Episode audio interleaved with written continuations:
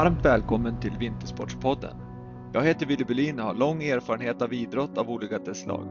Jag har varit aktiv på alpin landslagsnivå och varit ledare inom idrott på såväl föreningsnivå som förbundsnivå. I min nuvarande roll som ledare i det privata näringslivet kan jag använda mycket av den erfarenhet jag fick inom idrotten. Detta avsnitt är i samarbete med Brooks, eller The Running Company som grundades 1914 och är helt fokuserade på löpning. Med sin slogan Run Happy har Brooks som mål att inspirera alla att springa sin egen väg till ett bättre liv.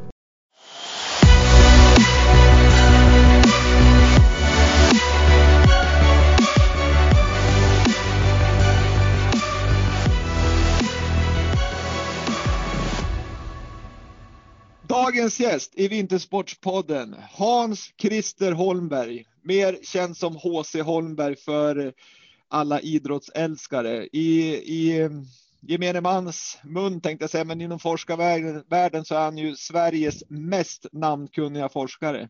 Det är härligt att ha dig som gäst, Hans Christer. Tack så mycket. Tack, tack. Härligt. Eh, jag brukar liksom alltid dra en bakgrund med, med gästerna innan, innan vi kommer in på ämnet för dagen som vi ska prata om forskning som, som HC och som vi kallar honom har varit delaktig i sedan lång tid tillbaka. Och eh, bakgrunden på, på HC är ju ganska lång kan jag säga, så att jag ska försöka på kort tid återge cirka 35 år av en fantastisk karriär. Så jag, jag, jag, börjar, sen får du HC komma in och, och, rätta till mig här efter, efter, efter att jag har gjort mitt försök. Ah. HC, han började, som, eh, på, eller började på psykologprogrammet där han var ungefär två och ett halvt år innan han gav upp det och, och började studera till naprapat som han jobbade med under cirka tio år, bodde i Upplands Väsby.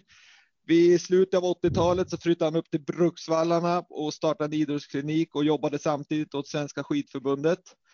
Eh, uppe i Bruksvallarna var han delaktig i Nordic Ski Center som bland annat har 300 kilometer skidspår idag. Eh, 1995 flyttade han till Stockholm för att studera på GIH, Gymnastik och idrottshögskolan mellan 95 och 98 med längdinriktning och samtidigt som han studerade var han utbildningsansvarig på Svenska skidförbundet där han eh, tog fram många fina kurser och skrev böcker bland annat. Eh, 1999 så började HC på SOK där han eh, var delaktig att ta fram testmetoder, kravanalyser för alla olympier. Och eh, 05 blev han utvecklingschef på Svenska olympiska kommittén. 2006 då bar det av upp mot Östersund där han blev ut, eh, Eh, ledare för Vintersportcentrum som startade där uppe som, som, som är ett eh, centrum för forskning och utveckling inom vinteridrotten. Och det har han hållit på med egentligen ända fram till alldeles nyss då han eh, numera är forsknings och utvecklingschef på SOK. Eh, numera bor HC uppe i Åre sedan 2014 och kommer ägna sin tid nu från och med nu egentligen årsskiftet kommer han ägna åt att bara, om jag får säga så, jobba åt Svenska olympiska kommittén med forsknings och utvecklingsfrågor. Eh, HC har skrivit fem böcker inom träning, teknik, metodik. Han är pappa till det vedertagna begreppet inom uthållighetsidrotter eller kanske inom längden som A1 och A, A1, A2, A3 som är egentligen indikationer på mm, vilken intensitet man har i sina pass. Eh, han har också varit med om att tagit fram dubbelstakningen och växlarna som man har inom längd och skate, men även då inom klassisk stil. Eh, han har varit delaktig i 13 OS. Han var träningschef för längdlandslaget mellan 2001 och 2002, då egentligen längdlandslagets vändning kom från att ha haft en liten tung period. Han har stor internationell erfarenhet med samarbeten med universitet i USA, Kanada, Danmark, Norge, Kina, Kina, Slovenien med mera. Han har fina titlar i den akademiska världen som doktor, lektor, han är docent och numera professor inom idrottsvetenskap. Han har 204 publikationer på sin meritlista, samarbetat med forskare från 21 olika länder och föreläst i 29 olika länder inom ämnet idrottsvetenskap. För mig, HC Holmberg, så är det här en otroligt imponerande meritlista och som du förstår så finns det mycket, mycket mera. Jag har försökt återskapa 35 år på väldigt kort tid. Vad säger HC Holmer om det här? Ja, eh, det var imponerande att du fick med så mycket. Eh, stort tack. Eh, komplettera där så var när jag var på SOK, när vi började på topp och talangprogrammet 99 så jobbade jag där egentligen i två år fram till ja, lattesäsongen. Det var då jag blev träningschef. Mm. och då var det ett antal år som jag också då disputerade. så att de första så man, man doktorerar så det tar fyra år. Och de första två av dem, då var jag träningschef på sidan om då. Ja, eh, för skidlandslaget. Du, du, tog den lite som på sidan om bara? Ja, första två åren var, var en sån där lite mix, men sen så var det, sen var det full fart uh, för att hinna ikapp. Uh, och sen disputerade jag 2005. Men tittar man på, på hela liksom när man återskapar det här och, och, när man känner till ditt liv och, och vad du har gjort och du börjar som psyk, på psykologprogrammet, du var naprapat, du har gått GH och numera är du professor och haft väldigt, väldigt många bollar i luften. Eh, det måste ju ändå säga mycket om ditt liksom, stora intresse för idrott och, och liksom att det blir ju kanske inte ett vanligt 8 till 5 jobb utan det är nog ditt liv som är idrott. Ja, så väldigt mycket. Eh, så det är precis som en aktiv eller som en tränare så man liksom drivs av passion. Mm. Eh, och då är liksom tiden egentligen kanske inte så mycket en faktor utan det är mer vad man är intresserad av och sen hinna med och sen är man intresserad av väldigt mycket. Och sen någon, någon period så har man ju mer energi också eh, så, och då, då kan man göra en hel del parallella saker. Känner du att du har eh, Känner du att du har fått med dig mycket om du jämför med många andra forskare som kanske är, om jag får säga bara läkare eller man är bara psykolog eller bara naprapat, men du har ju ett ganska brett spann av kunskap. Är det någonting du liksom får med dig av att du, du, du får så liksom bra vinklar på hela din forskning? Ja, jag tycker jag har fördel av det. jag brukar säga att det är liksom tre ben. Då. Det, det ena benet är psykologi eh, det andra är, är liksom kopplat med till naprapatin och det här med skelett och muskler och lite biomekanik och, och så. Och sen har du det där med fysiologi. Och sen ingången då med att från början inte vara forskare utan jag, jag, var extremt intresserad av utvecklingspsykologi. Det var liksom det jag brann för i första delen av mitt, mitt studieliv och sen så kom jag in då som naprapat. Och det, det, vet ju du att, att rollen som terapeut i ett lag och jag åkt, först jobbade jag med friidrottslandslaget och sen senare då med längdlandslaget. Och, alltså den närheten man får i en organisation när man reser på världscup och man står på bänk, vid bänken och jobbar med aktiva och sitter med tränare på kvällar och så där. För mig var det en otroligt bra utbildningssituation. Mm. Eh, samtidigt som jag kände att jag, jag var liksom en del av det och försökte påverka och vara med och, och stötta och så där. Så att det har jag haft med stor nytta av sen i forskarlivet. Men var det där egentligen du också kunde se Alltså jag, jag, tänker på det vi kom in lite senare på just det här med, med att du har varit med och tagit fram stakning och, och du har tagit fram jättemånga metoder. Vi skulle kunna sitta en hel dag och bara prata om det. Men är det liksom när du såg vad ska jag säga, både skador men även hur, hur de rörde sig som, som du liksom, du har ju en liten viss ja. uppfinnar-Jocke i det va? Jag tror att vi, eh, man är jag i alla fall liksom entreprenörtyp sådär.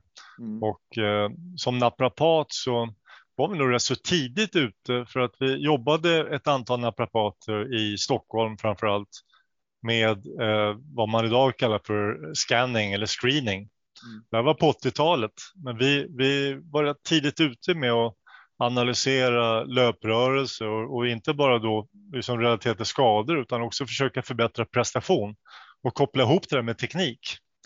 Och det tog jag med mig sen när jag flyttade upp till Bruksvallarna med familjen 89. Sen började jag jobba med, med Ola, Ola Ravas pappa, Janne Ravad, med juniorlaget. Och då, då var ju aktiva, det var Mattias Fredriksson och Morgan, Marcus Göransson, eh, Wickman och eh, Gabriella Fredriksson och ja, det var liksom ett gäng där.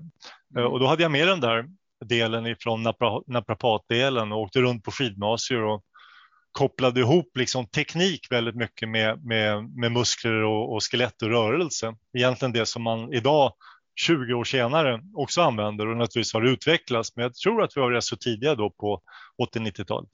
Ja, det måste man nog säga. Men, men om, vi, om vi går in där på just när du, när du kom in som träningschef där 2001-2002 åt längdlandslaget. Hur, för det var ju en ganska tung period bakom sig så kom det in i Latti och så sen blev det ju OS året därpå. Vad var det liksom ni förändrade? För någonstans där hände det ju någonting. Var, var det någon liksom speciell grej du kan relatera till som hände? Jag tror att vi hade, vi hade haft tunga år. Eh, jag var ju med 93 då i Falun. Eh, Molle tog femmilsguldet. Så var det ett antal år. Vi var, hade en framgång i Thunder Bay på damsidan, men på herrsidan så var det tungt. Och, och vi jobbade med att försöka få igång träningsläran och, och tänka lite nytt med träning och så där. Vi hade också en del influenser. Eh, Tore Gullen var inne från Norge och, mm. och så. Magna Dalen kom in eh, runt, runt Latti och, och eh, Lillehammer så var det ju Janne som var tillbaka som jag hade jobbat med på J-sidan. Ravald. Eh, eh, eh, ska säga, runt, runt Latti och Salt Lake så var det Magnar, eh, ursäkta mm. mig. Eh, och, och, det var, ja, vi hade ett, ett rätt så bra grundjobb och, och förändrade attityden lite grann också för träning. Eh, och du hade också aktiva som tog steg. Eh, per Elofsson, Mattias var ju då föregångsfigurer på här sidan. Mm. Och eh, Per vann ju världskuppen där och, och, visade vägen för många av de andra. Då. Ja, men det, det, är ju också lite, eller, eller lite viktigt. Det är ju jätteviktigt att man har några förebilder som, som visar vägen och ser att det är möjligt. Eh, eh, men, men om man bara går in på just det här, för, för gemene man så, så ut, forsknings och utvecklingschef inom ett företag, då vet man ju liksom att ja, men vi håller på att utveckla en ny produkt och så är det den här personen som ska leda det arbetet. Men vad gör HC liksom som forsknings och utvecklingschef på SOK, alltså Svenska Olympiska Kommittén? Vad, vad består ditt jobb av där så att säga? Så min roll har varit mycket att vara, vara brygga mellan eh, aktiva tränare och forskning och kanske framför allt tränare och forskning. Eh, och det gäller ju både sommar och vinter. Så frågeställningar som de lyfter fram eller som jag finner då eh, inom forskning att de är aktuella och spännande. De försöker man då överföra och, och presentera och intressera dem för på olika sätt. Ja, för den, den, det, då, då, kommer vi direkt in på just forskningen och, och, man kan ju alltid när man pratar om forskning och, och, och nu håller vi oss till idrott så, så kan man ju undra liksom vart kommer liksom vart kommer inputen ifrån? Men då är det alltså du har en kontakt med tränare aktiva och så försöker du översätta det i forskningsprojekt sen. Det är så vi har försökt jobba. Eh, jag har ju haft en speciell koppling. Man skulle ju kunna varit heltidsanställd som i den här rollen. Jag, jag har ju framförallt då varit forskare ifrån 2006 när jag var på Vinstsportcentrum. Så då byggde jag upp en verksamhet och, och, vi genomförde forskningsstudier.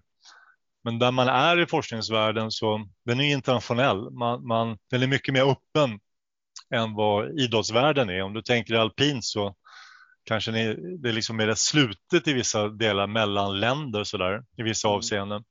Men forskningsvärlden så jobbar man mer internationellt och framförallt jag gjorde det. Eh, och då fick jag ingångar i, andra länder och de var på besök hos oss och, och det skapar en, en rätt intressant miljö och det var ju lite själva idén med Vinstsportcentrum att det skulle vara en lite sån här mötesplats då för vintersport, det vill säga du hade tränare och det var ju väldigt intressant då i början där, för då hade vi ju både Peken och, och Mattias Persson och Ola bodde i Östersund. Och sen hade vi aktiva, jag tror att mer än 90 procent av alla aktiva bodde där. Så kom skidskyttarna. Eh, och samtidigt var det forskare och så var det inflöde av väldigt mycket internationella forskare.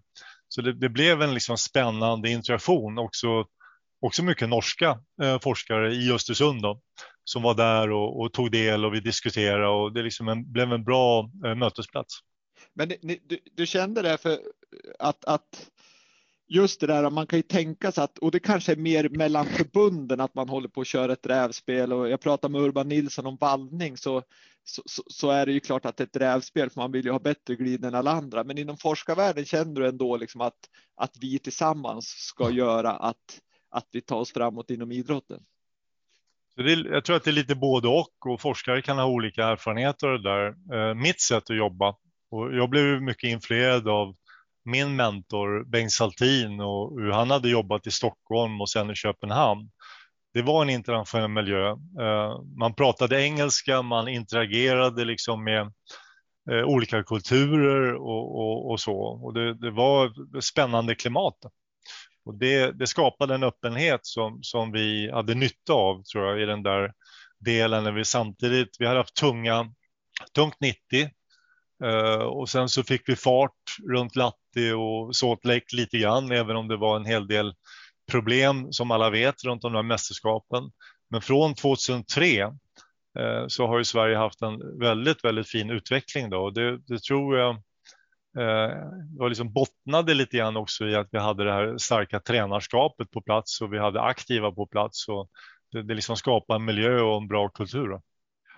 Då. Jag, jag, jag kommer ihåg där just uh, i början av 2000-talet där när, när Vintersportcentrum startade uppe i, i Östersund och man hade väldigt liksom ja, lite resurser. Man hade, jag tror man började i en liten lada där på, på gamla ja. I, ja.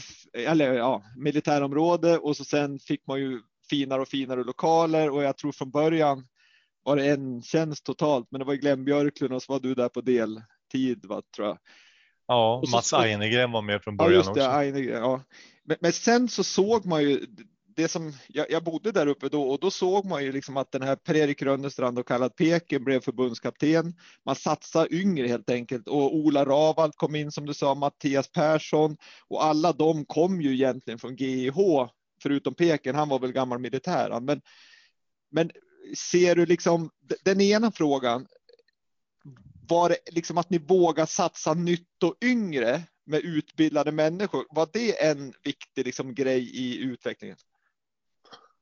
Ja, jag tror det var en kombination. Peking gick ju också en period på GH och eh, vi startade någonting som vi kallar för Tränare 2000.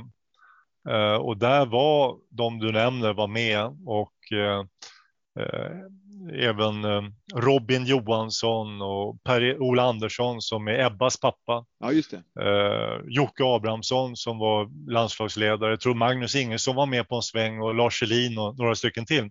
Mm. Eh, och det, idén var lite grann att, att vi behövde kunskapslyft.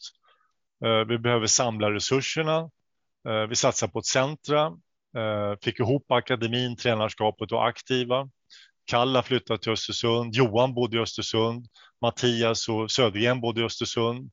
Alltså det var en bra träningskultur, Anna Olsson. Och, och det där liksom totalt sett, plus att, då, att de började åka fortare.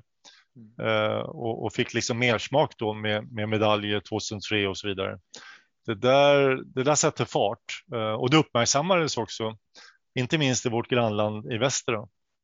Ja, men precis. Jag, jag tänker just ur ett forskningsperspektiv och ett framgångsperspektiv så, så, så hände ju någonting där då när man, när man satsar på tränarna i, på samma ort. Man hade ett forskningscentrum på den orten, man fick dit aktiva som, som kunde liksom hjälpa varandra och inspirera varandra och samtidigt bidra till forskning men ändå ta del av forskning. För som jag förstod det så jobbar ni väldigt, väldigt nära tränarna då och de aktiva, men framför allt tränarna då och ta sig framåt.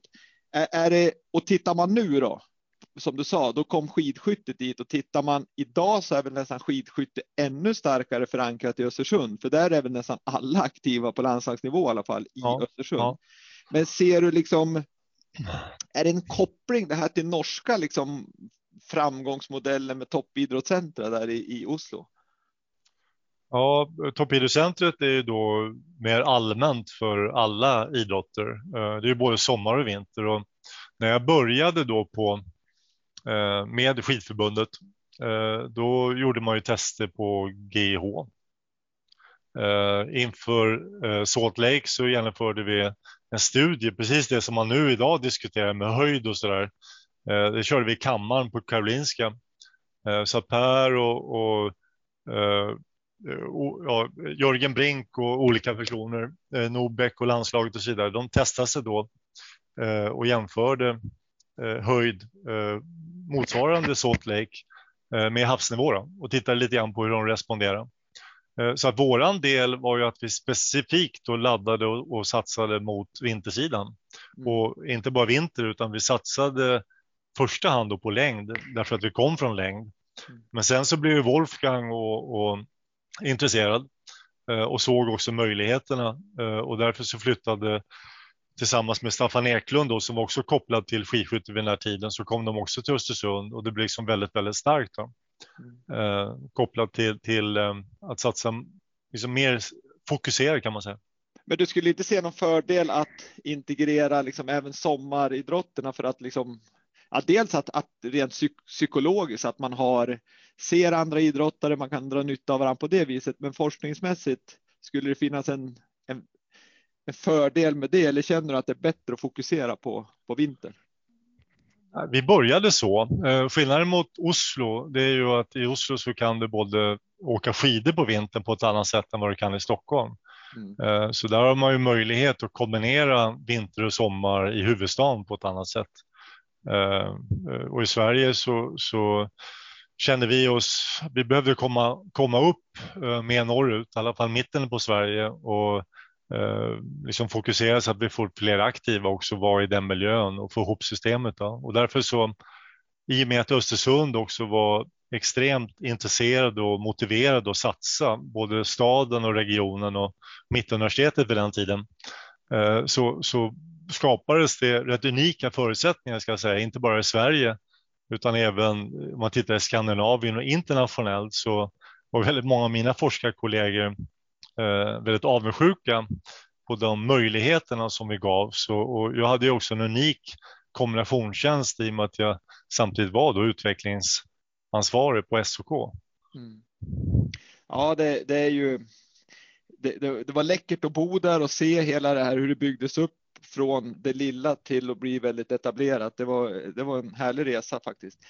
Eh, du nämnde in i, ja, när vi börjar här. Jag ska, bara, jag ska bara säga att, att, jag tror att, och jag har försökt liksom uppmana, för 2009 så var jag nere en period i Göteborg Uh, och då diskuterade vi väldigt mycket liksom, och kopplade till lagsport i Göteborg. Alltså lite grann på samma sätt runt Göteborgs universitet, att man skulle bygga upp en forskning och utvecklingsverksamhet. Eh, vi har också diskuterat att man ska kanske runt kampsport någonstans i Sverige, vattensport. Så det har liksom funnits idéer och, och om man tittar på hur Friidrottsförbundet har organiserat sig så har de olika kunskapscentra i Falun, i Karlstad, i Växjö.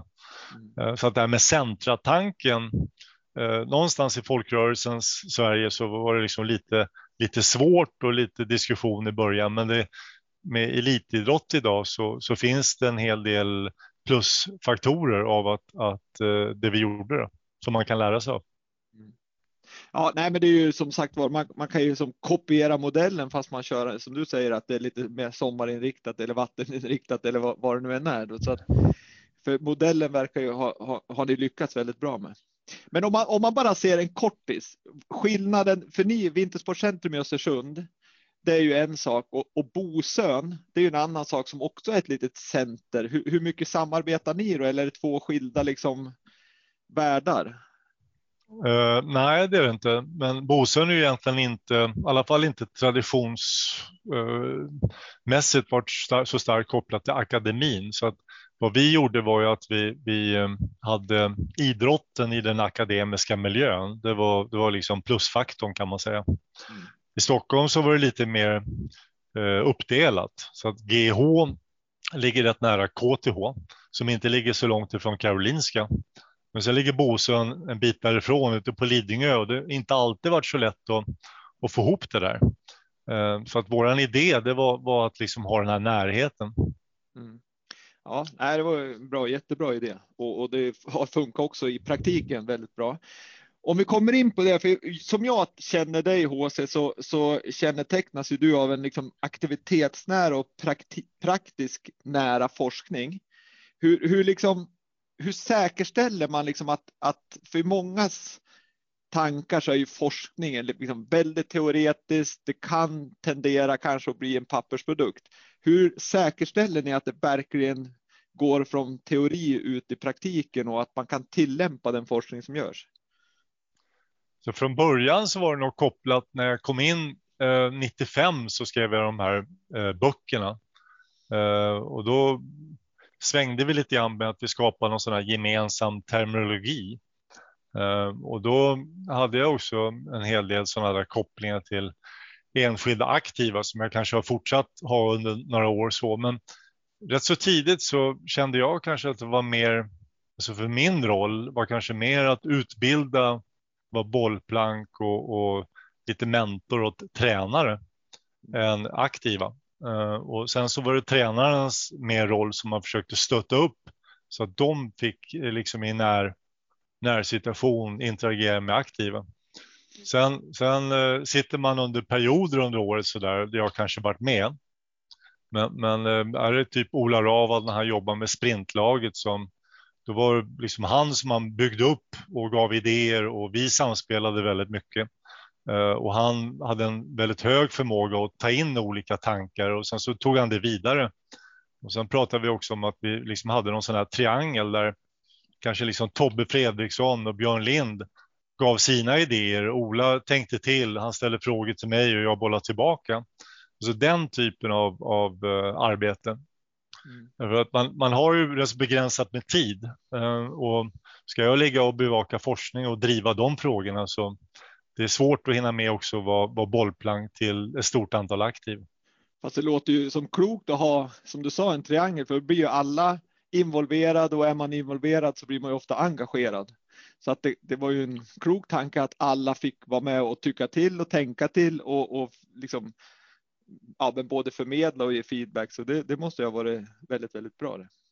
Men det är ju kul också att vara den där personliga tränaren. Men min bild lite grann, jag kommer ju från friidrotten och när jag kom till längdskidor så var jag liksom lite förvånad över att tränaren i viss mån kanske inte var lika mycket tränare som en simtränare och en, en, en friidrottstränare utan var rätt mycket logistiker, i stor apparat. Det vet ju du som kommer från alpint med organisation, resor, med många världscuptävlingar, mycket mer lägerdagar än vad man har i många andra olympiska idrotter.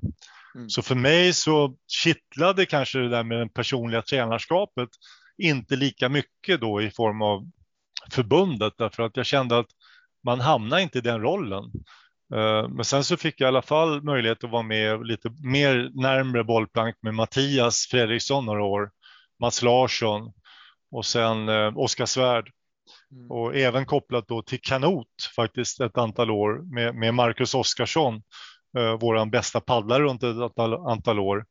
Eh, så jag fick liksom den biten också, men ändå, ändå alltså det viktiga och det, det kanske kraftfulla var, var mer att agera mot, mot liksom flera tränare.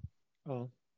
ja, men du initialt här så, så börjar du med att säga liksom att, att eh kanske att idrotten, vissa idrotter var lite mer konservativa än andra och du nämnde att alpint har liksom, ja, de är inte, ligger inte framkant på att kanske förändra och vara med i forskningsbiten så där. Men jag vet att 2000, jag vet inte, 2014 eller något, men det har jag haft, ni flyttade i alla fall upp Vintersportcentrum som en, liksom en, en mobil del till Åre för att liksom komma närmare den alpina verksamheten.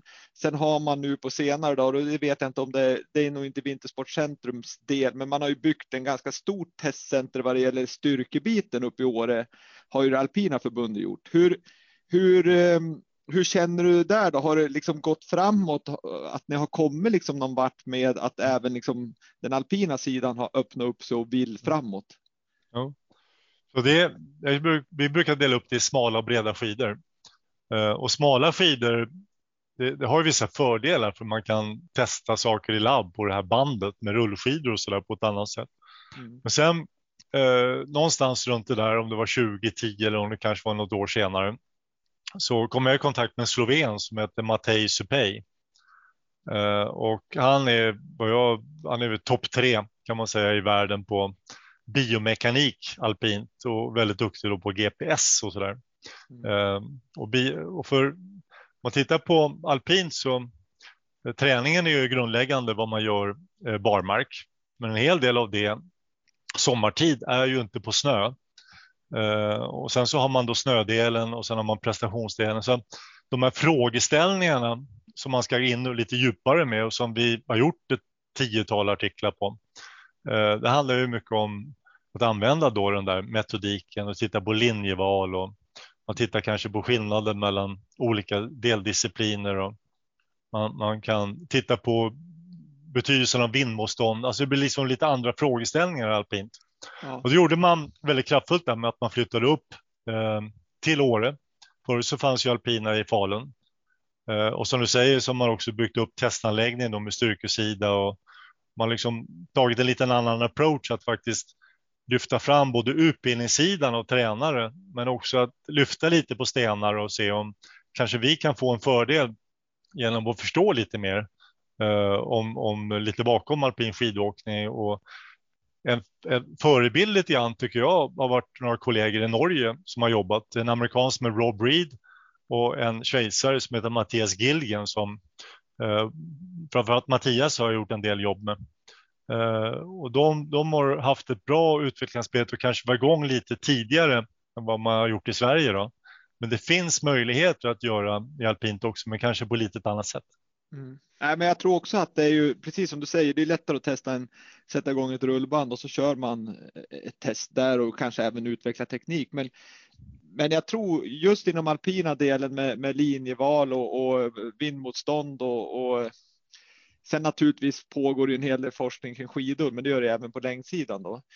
Eh, och, och, där kan man väl komma in för att nu har vi som, vi har väl alltid tagit båda delarna, men, men man, nu har vi pratat och fokuserat liksom på, på den fysiska utvecklingen. Eh, nu vet jag att ni har startat upp tillsammans med Luleå universitet ett ganska stort projekt inom SOK där ni tittar på liksom material Alltså ni forskar i material och friktioner kring belag, snö och så vidare. Eh, tror du att det finns fortfarande mycket att hämta där? Ja, jag tror det. Jag tror att eh, det är alltid underlaget och man kan titta då på, man tittar på längd så är det alltid från skidan till strukturen till vallan. Eh, eller kanske också hur den aktive står på skidan eh, som påverkar. Och eh, även alpint, skikross, alltså så breda skidor. Men en del med Luleå handlar också om, jag tror att man jobbar med artificiell intelligens och försöker också titta lite grann då på vägval i bana och så där. Så det finns idrottsvetenskap överhuvudtaget, så det här med teknologi har kommit. Det är helt nya, lättare, snabbare utrustningar och kan hantera mycket mer data. Mm. Så teknologi har gjort ett inträde på arenan när det gäller idrottsvetenskap som har bidragit och kommer att bidra ännu mer de kommande åren tror jag. Men som där då när ni forskar där uppe i, i Luleå och ni kommer fram till väldigt, väldigt mycket bra saker. Hur mycket har ni med er? Vi säger teknologi och, och uppbyggnad av spann och, och belag och strukturer och så vidare. Hur mycket har ni med er skidfabrikanterna där? Så vi har, eh, vi har precis kommit igång eh, så, eh, men vi har haft i alla fall två fabrikanter med på banan så här långt och väldigt jätteintresserade. Det är bara en sån enkel grej som om man tittar på på belag. Att man tar belag till ett par skidor ifrån en rulle med belag och sen så kan man inte riktigt kanske standardisera att det är samma, samma belag Ehm, dels utifrån de skidor som har gått väldigt bra och dels att man får likartat belag på vänster och höger skida. Alltså den där typen av standardiseringsdelar eh, är fortfarande underutvecklad tror jag mm. i branschen. Eh, och eh, det är liksom en del av det som vi har börjat diskutera. Men sen är det klart, de är inte, det finns något som heter tribologi, det är ju liksom lärarnas smörjning.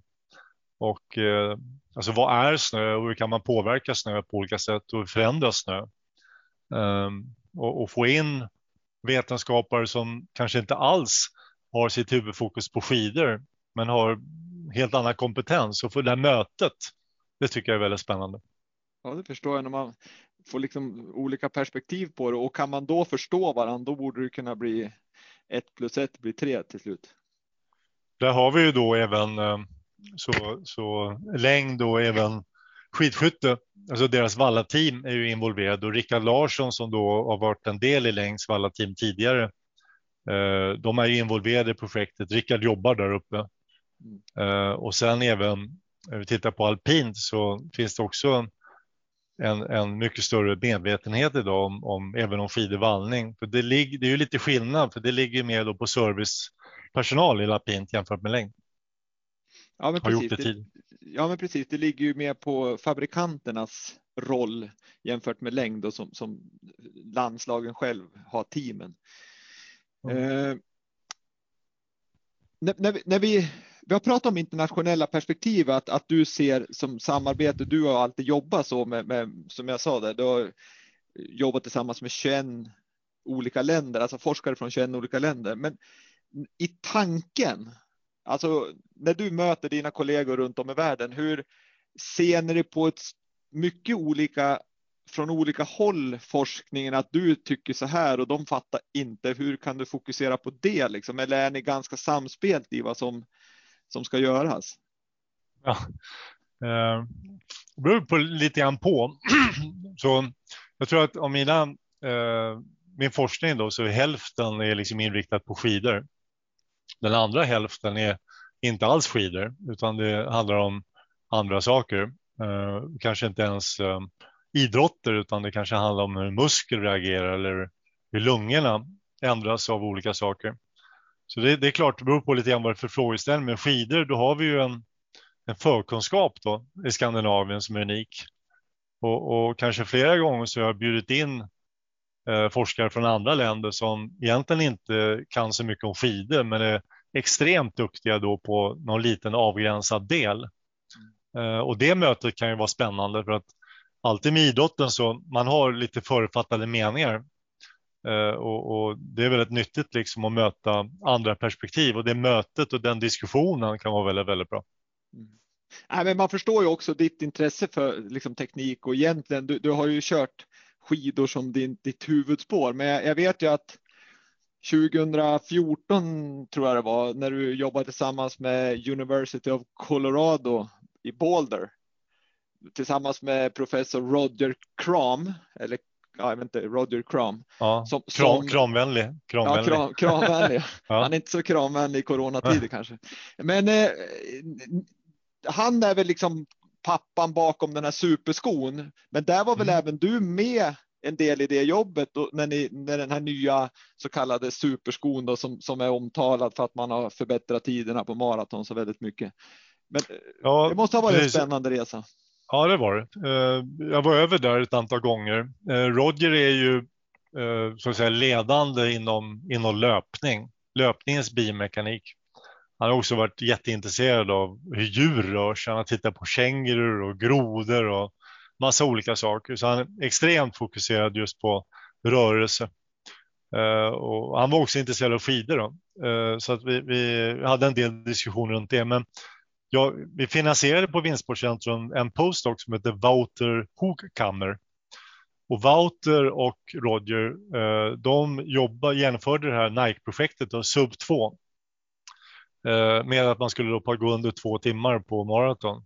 Mm. Och Nike skickade då skor eh, och man hade väldigt starkt samarbete med, med Boulder och, och bland annat när jag var där så, så genomförde flera sådana här studier då, och jämförde skor och tittade. Och de var ju framförallt intresserade på rörelseekonomin, löpekonomin. Mm. Ja, det har ju blivit omdiskuterat det där, vilket jag kan tycka är lite konstigt för att jag menar, tar du skidåkning, både längd och alpint, så, så, så har det ju hänt en hel del på skidorna sedan 10-20 år tillbaks och det går ju liksom hela tiden fort och det är ju konstigt om inte liksom, skoindustrin och löpningen skulle få göra det så att säga. Något som var intressant som inte jag var så medveten om, men jag hörde av en, en tränare för, för no, förra veckan. Eh, det är att man, man upplever då dels att det har en effekt på prestation. Men, men det är också eh, inom löpning att man, man för fram lite grann att man kan uppleva att man på ett bättre sätt kan genomföra en del tuffa pass och inte bli lika trött eller sliten efter det typen av löppass. Det är lite fascinerande. Ja, Ja, och, det, och då klart att kan du göra det, då ökar du ju mängder nu utan att på något vis liksom förstöra kroppen. Ja. Vem är det som finansierar de här forskningsprojekten? Är det liksom företag eller är det staten eller är det förbunden själv? Tänkte du på det med, med Nej, jag tänker löpning? generellt sett om du tar ett skid, alltså när ni, när ni håller på med ett alpint eller ett längdprojekt nu och, och tittar på, är det liksom, vem är det som står för fiolerna där?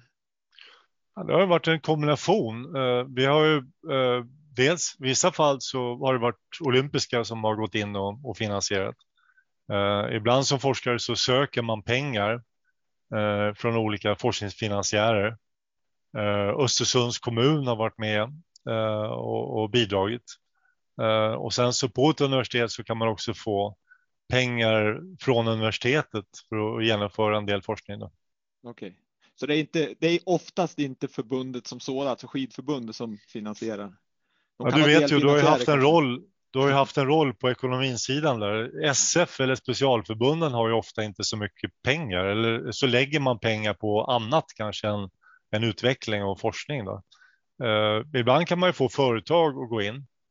Eh, det var ju det med Nike och löpskor. Det var ju helt kopplat till att de betalade. Vi, vi har gjort också en hel del på vi hade duktiga prestationsingenjörer på Vinsportcentrum, Mikael Svarén, Mikael Terrell och, och Marcus Lejon. Och då gjorde vi ett antal saker, typ Craft tittade på hur deras kläder funkar eh, när, man, när man tränade. Jag tror vi tittade något på BH, eh, liksom själva designen på BH. Eh, vi tittade på olika typer av bindningar, vi tittade på trugor, titta på stavarnas böjlighet var kopplat till Skigo uh, och Christer Majbäck. Mm. Så vi har haft uh, ett antal sådana där så företagsfinansierade, men ofta har det då varit mer kopplat till, till utrustning. Kanske någon gång någon sportdryck och, och liksom något annat. Nej, för jag tänker, det kan ju också vara så att skidförbundet, om man säger egen finansiering kan ju vara i form av att man ställer upp med resurser också kanske. Att, ja, att, exakt. Ja. ja. Så att, och så har det nog varit att liksom det har bidragit och de aktiva i sig och, och, och liksom den involveringen, den är ju ovärderlig. Ja. Och då kommer vi in på just forskningen, när, det, när, när, man väl ska forska. Hur lätt är det att få tag i, liksom, kan, kan ni få verkligen, liksom, nu säger jag liksom eh, Sara Hector eller Lindsey Vonn eller Charlotte Kalla eller vilken det nu än är. Får ni tillgång till dem i forskningssammanhanget eller blir det de som är nivån under som ni får forska på? Det beror lite grann på vilket, vilket stadie de är. När de är lite yngre så eh, är de med. Men, men ju högre upp de kommer så eh, är det nog svårare egentligen att, att ha med dem i olika typer av projekt.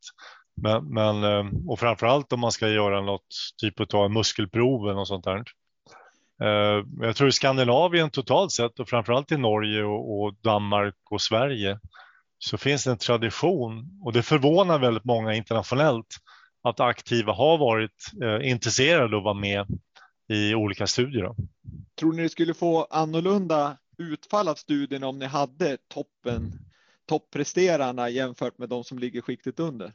Ja, en bra fråga. Det, jag tror att det är en utveckling inom forskning totalt sett. Att ofta i forskning så pratar man om gruppdata. Så man tar medelvärden av 8, 10, 12 personer. Mm. Men vi vet ju, och det vet ju du också från dina år med alpina, att, att det är unika individer. Och det som avgör och det som är spetsigt, det kan ju vara en del individuella egenskaper. Vi vet exempelvis om vi tittar på en känd före detta norsk manlig skidåkare så, så hade han extrema speed-egenskaper. Mm.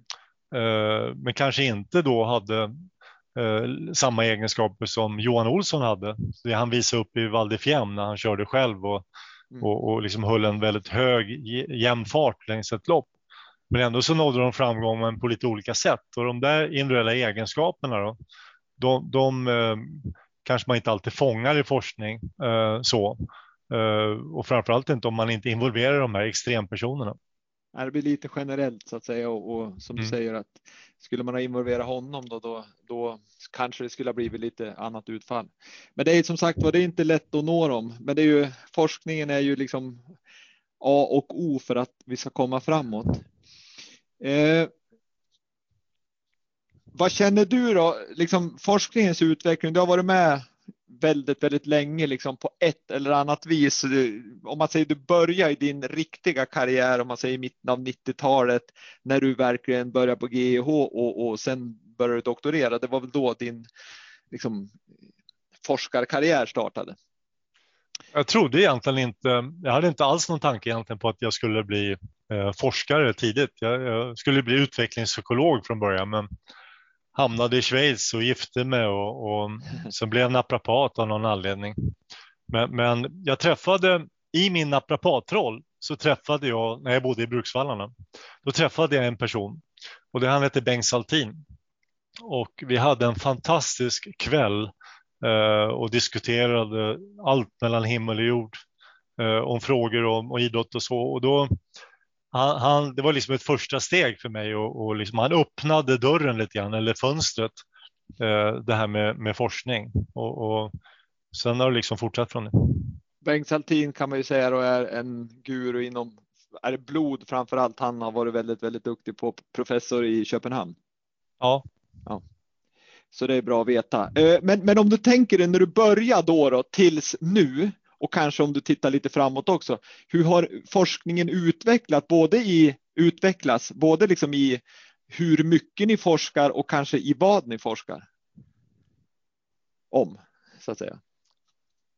Uh, ja, det har hänt en hel del uh, och för, för, oss har det kanske varit mer att vi ifrån att, att eh, från början var rätt så inriktade på fysiologi och den typen av frågor så kopplade vi på biomekanik. Och sen så nästa steg har nu varit att, att liksom också koppla in teknik eller teknologi på olika sätt. Mm. Det där gör ju att man kan titta på lite fler frågeställningar och sen började vi labbet mycket. Men, men eh, om vi tittar på vintersidan så de idrotterna, de, det är utomhus. Så att eh, med den här nya teknologin så har vi också Eh, haft möjlighet att flytta ut mätningar på ett annat sätt. Eh, vi tittar exempelvis på, på alpina starter här i Åre. Eh, vi var nere i Sasfe och tittade på skillnader på vänster och höger sväng i alpint och kopplade ihop det med olika tester på så som en sjukgymnast gör med, med asymmetri och styrka och rörlighet och så där. Och den typen av mätningar, det kunde vi inte riktigt göra för, för 10-15 år sedan på det sättet som vi kan göra idag. Då. Och det, det handlar ju väldigt mycket om den tekniska utvecklingen som har kommit. Ja, och det måste ju vara underbart för en forskare, för jag menar det är ju det, är alltid, det måste ju alltid vara bäst att göra testerna i en verklig miljö, så att säga. både så att kyla och i, i vinteridrotter, det kan ju påverka jämfört med att vara inne i ett eh, labb där det är 30 grader varmt. Eh, jag menar, ska vi testa material så är det ju absolut viktigt att vara i rätt miljö, men även kroppen funkar väl annorlunda om det är minus 20 eller plus 30. Absolut. Eh, så, så där är det något annorlunda. Då. Sen, sen om man tittar på fysiologi, eh, beror på lite grann vad, vad dina lyssnare är intresserade av, men i fysiologi så kan vi ju ta med muskelprov och det eh, var med Bengt och och vår, vår käre kung eh, tittade på när vi tog muskelbiopsi och sa men det här är ju inte något som har, det är inte något nytt nu. Det här gjorde du på 80-talet också, sa han till Bengt. Mm. Eh, sa kungen till Bengt och då sa Bengt att det, det som skiljer det är ju liksom den enorma utveckling som har skett på själva analysmetoderna av själva muskelbiten. Det är mm. det som skiljer. Eh, från början så tittade jag på om det var snabb eller långsam muskel. Eh, kanske titta på en del enzymer, men idag är man nere på molekylnivå och, och gör massa analyser. Och när man tar um, sådana här muskelbiopsier som du pratar om, då är det egentligen att titta på muskelns sammansättning, vilka, om man har långsamma eller snabba fibrer och så vidare. Just det. Ja. Och där kan man ju titta då, eh, för det har ju liksom varit inne på olika, man kan titta på väldigt snabb respons, vad som händer bara inom några timmar. Eh, eller man kan titta på någonting som sker över tid.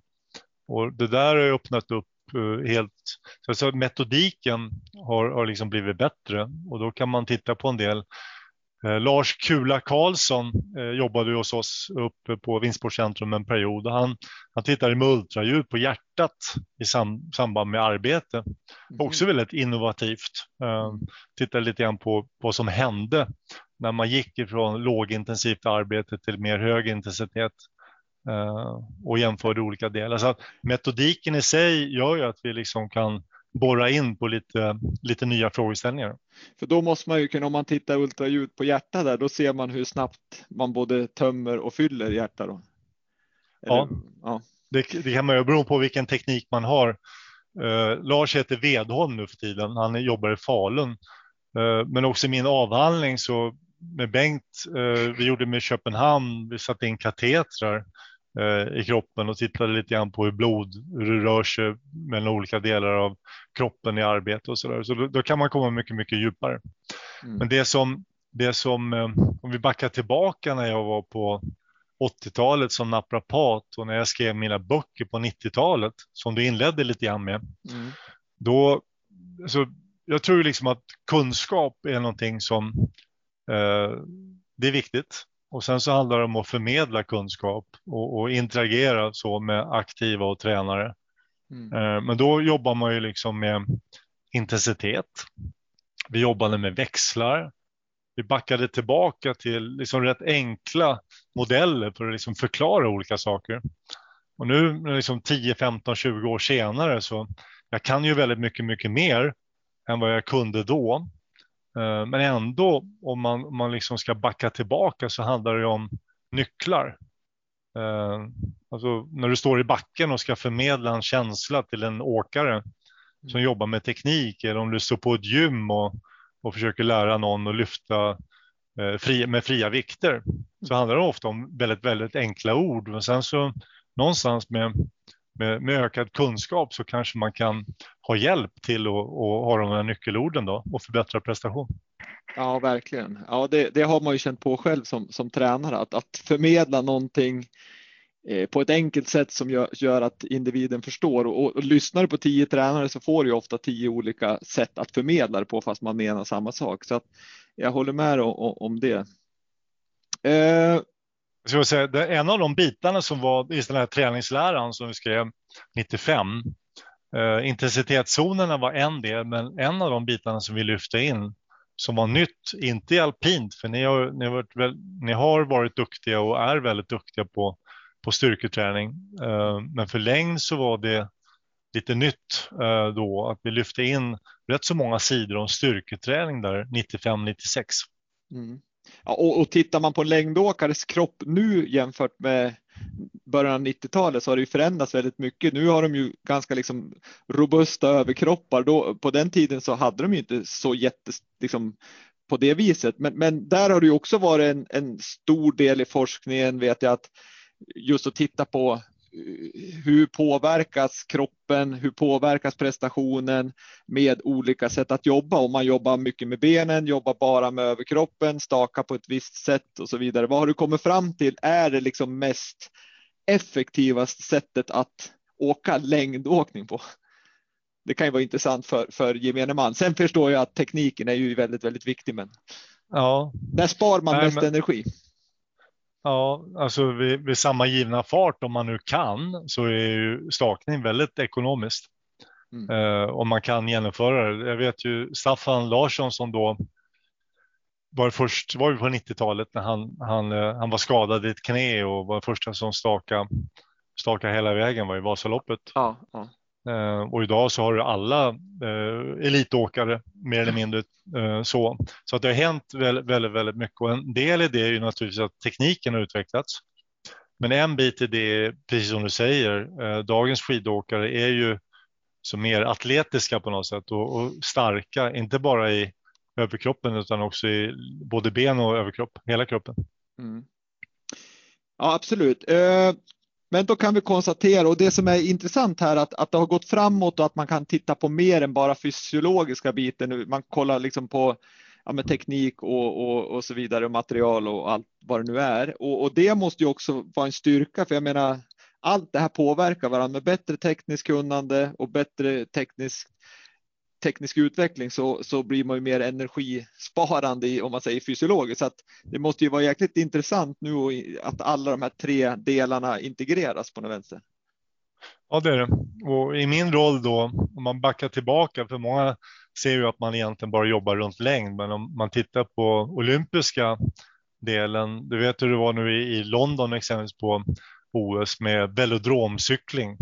Mm. Eh, enorm teknisk utveckling både på cykel och på alltså runt om, kanske aerodynamik och även träning och så vidare. Så att det sker ju, eller om vi tittar nu på segling som också en intressant sport eh, där vi är inne väldigt mycket med material och analys av olika vägval och vi har inkopplat meteorologer precis som vi har på längd och, och alpint inför OS och egentligen därifrån det kommer. Eh, så att dagens elitidrott är ju lite spacad, alltså på något sätt.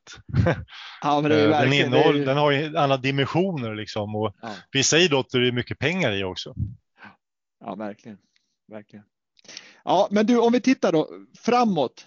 Det som har varit har varit, eh, vilket har varit fantastiskt. Men om vi tittar framåt då, vad har du liksom i din roll som forsknings och utvecklingschef på SOK? Vad, vad, vad är forskningens fokus från nu och fram till ja, OS 2026 och så vidare? Ja, som du säger så, så jag eh, har ju dragit ner eh, min eh, egen forskning lite grann nu eh, och gått upp lite grann i tid egentligen på ungefär som jag var på SOK 2000, eh, ja, för ett antal år sedan någonstans efter min disputation där, 2005 någonstans. Eh, och vi, vi har ju satt igång nu ett forskningsprogram eh, och vi har sex olika ben då i det här programmet. Och då är det liksom, det är det ni kallar för paraplyprojektet där ni tittar på, som du säger, det är som typ fem, fem delar som är som en, ja, det är OS-ringar helt enkelt. Och så sen i grund och botten, det som är grunden till hela liksom, forskningen, det är ju den aktivas hälsa. Ja, och, och vi vill satsa, Ja, vi vill satsa på det där för vi, vi tror att, att, eh, eller vi är övertygade om att eh, ökad kunskap är, är liksom en nyckel ehm, och det, det, påverkar, ökar sannolikheten liksom till. Så då eh, bottenplattan är ju då aktivas hälsa ehm, och vi har kopplat eh, en, en immunförsvarsexpert, Petter Brodin, som är kopplad runt det och det är väldigt aktuellt idag då med covid-19. Mm. Och då tittar ni liksom också då den aktivas hälsa, då är det alltifrån eh, alltså med sömn och, och, eh, kost och så vidare. Ja, titta på aktivas hälsa kanske mer kopplat till immunförsvar, eh, kommer titta en del på hjärta och, och kopplat även till skador och sjukdom. Sen återhämtningsdelen så har vi gått in lite mer specifikt på, på sömn mm. och på kost. Och så sen har ni uthållighetsdel. Uthållighetsdelen är ju liksom alltid intressant i flera idrotter så.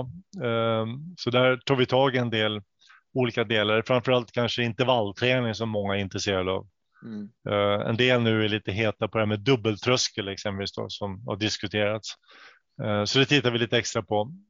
Men sen så alltid med uthållighet så är också det här med, nu är det värme i Tokyo Eh, och Beijing blir kallt. Mm. Eh, och, och, det påverkar också lite grann eh, förmågan och, och uthållighetsprestation.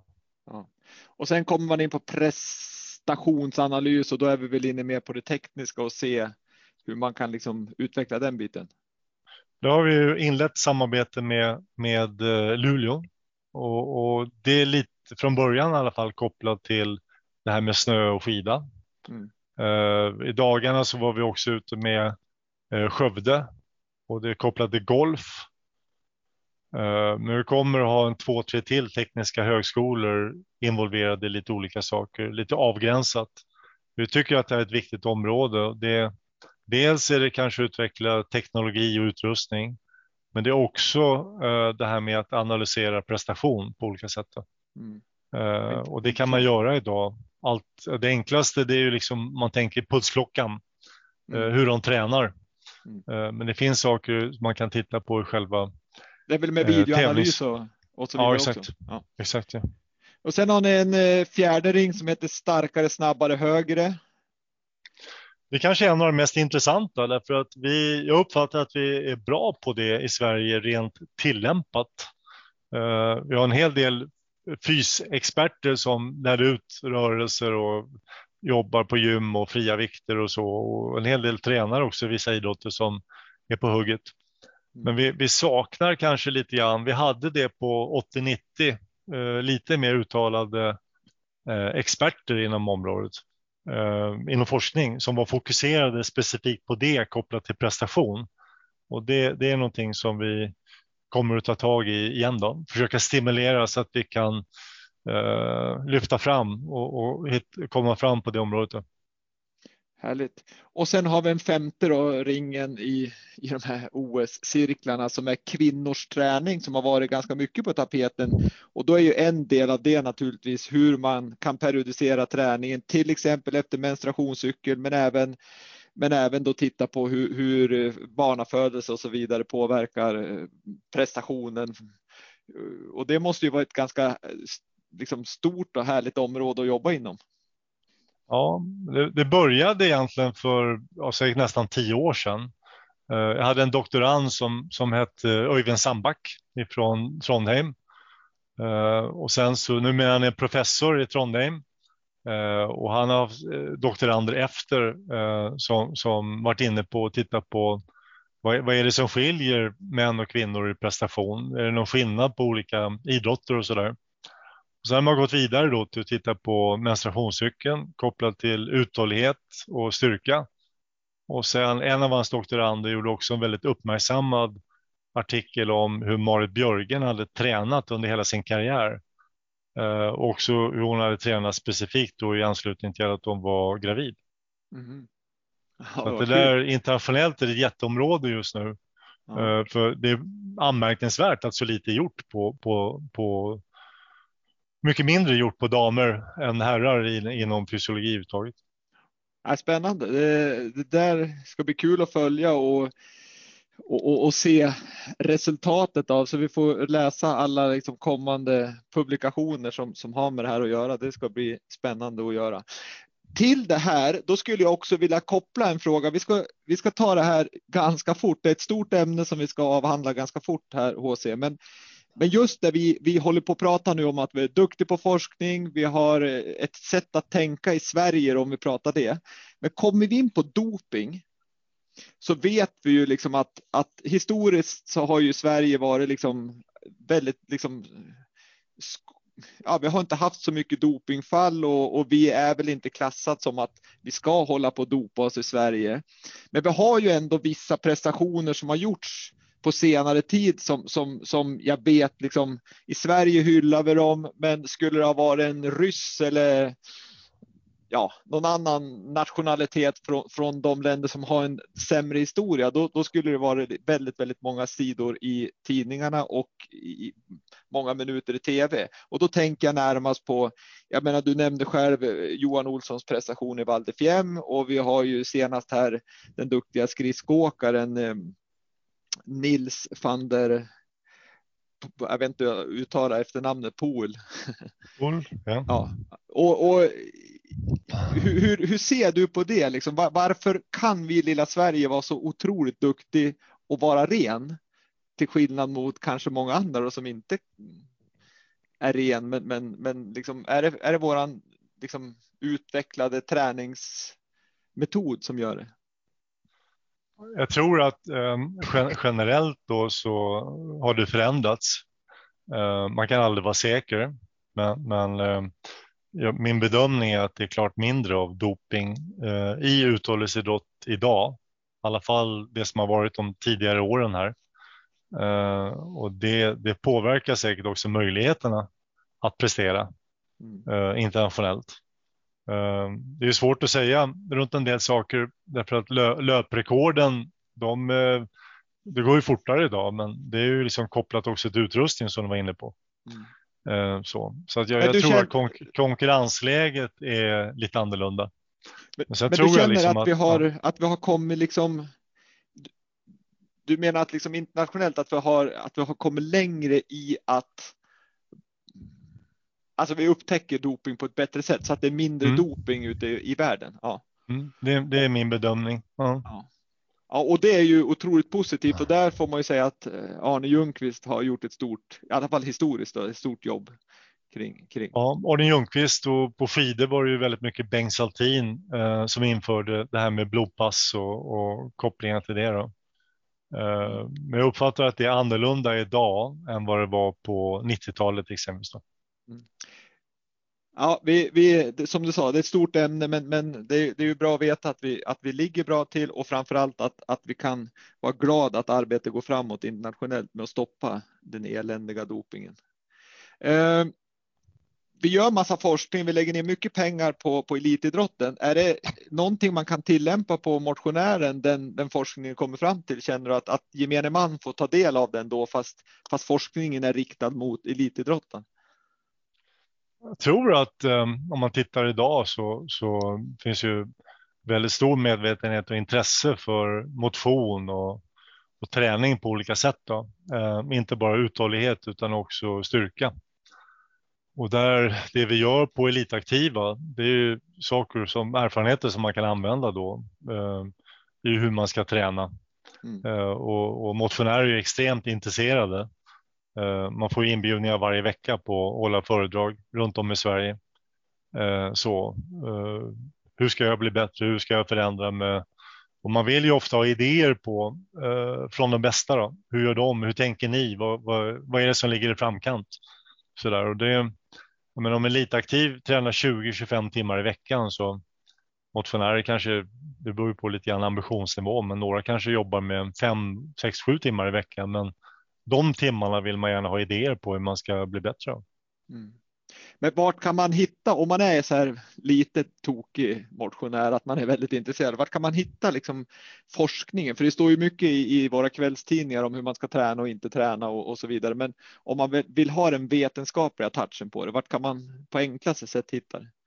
Jag tror att det finns väl några sådana här facktidningar. Idrott och kunskap är en sån där tidning eh, som skriver populärvetenskapligt om träning. Sen finns det en hel del böcker. Eh, jag vet att Jessica Norrbom och Carl-Johan Sundberg har skrivit någon bok rätt så nyligen om, om effekter av träning som är väldigt, väldigt bra. Eh, jag tror också idrottsforskning, svensk idrottsforskning skriver en del. Det, det, finns en del bra saker. Sen Sen är det, det är inte dumt att ha kontakt eller bjuda in till träffar, alltså forskare som är ute på, på, på lärosätena. För att många av dem är väldigt duktiga. De, du har ju gått själv på Mittuniversitetet och fått mm. lyssna liksom på, där kan man ju ställa frågor och man får, kan få igång diskussioner. Och det är liksom, den här spännande dialogen, det är liksom det som är, det, det, det är jätteroligt bara det liksom och sätta ett antal intresserade människor i samma rum, då brukar det bli en härlig dialog. Så är det absolut. Eh, innan jag kom in på sista frågan som jag ställer till alla gäster så ska jag också se om du har ett svar på, på någonting som är aktuellt här. Det är ju det skrivs, det har skrivits en hel del, men senast igår kom det ut någon artikel om ryggproblematiken inom längdsidan och där man där naturligtvis Norge och Finland säger att de inte har så stora problem medan Sverige just nu har några aktiva som har lagt av. Man har några aktiva som har lite problem och, och man skrev i den artikeln då liksom att Sverige har mer problem än Norge och Finland. Men, men har du någon idé om varför är det liksom ett problem? Inom längdsporten? Jag vet inte om det är så stor skillnad mellan länder. Det, det är möjligt att det är det. Uh, och, och det kan ju vara över tid att det är olika länder som drabbas mer eller, eller mindre. Men det är helt klart att man har adderat träning idag. Eh, man är uppe på lite högre volymer. Eh, samtidigt så har man lite nya inslag av träning, både en del sådär högintensivt, man har den där polariserade Också och en del styrketräning som man har fört in. Och någonstans är det alltid den där balansen mellan vad man tillför och Eh, att man hinner återhämta sig på ett bra sätt.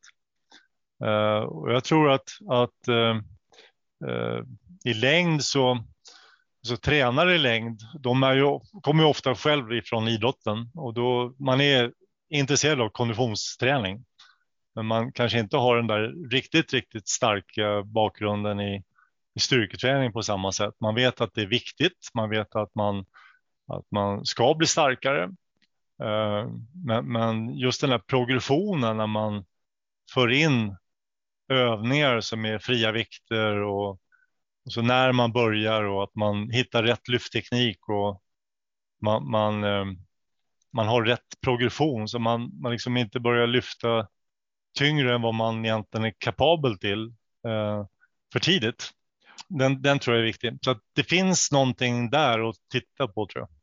Finns det en koppling? Jag tänker längdåkare och uthållighetsidrottare eh, överlag. Då kör man väldigt långa pass, liksom, vi säger att man har varit ute och åkt staka i tre timmar och så ser man styrketräningen som en, ja men det där gör jag sen. Komma in efter tre timmars stakning och så, ja men jag ska köra lite styrka, då är ju man är ju ganska trött. Kan det påverka och slita liksom på ryggen om man går och kör ett styrkepass efteråt som bara, nej men det här ska jag också göra. Liksom. Absolut. Jag tror att eh, hur man placerar träningen i relation till uthållighetsträningen och eh, i, vilken energibalans man är när man genomför den här träningen. Eh, och har man stått och huggit på asfalt med rullskidor längre period och sen växlar man det till att göra en explosiv eller man, man belastar tungt i marklyft eller man. Det är klart att det är en kontrast.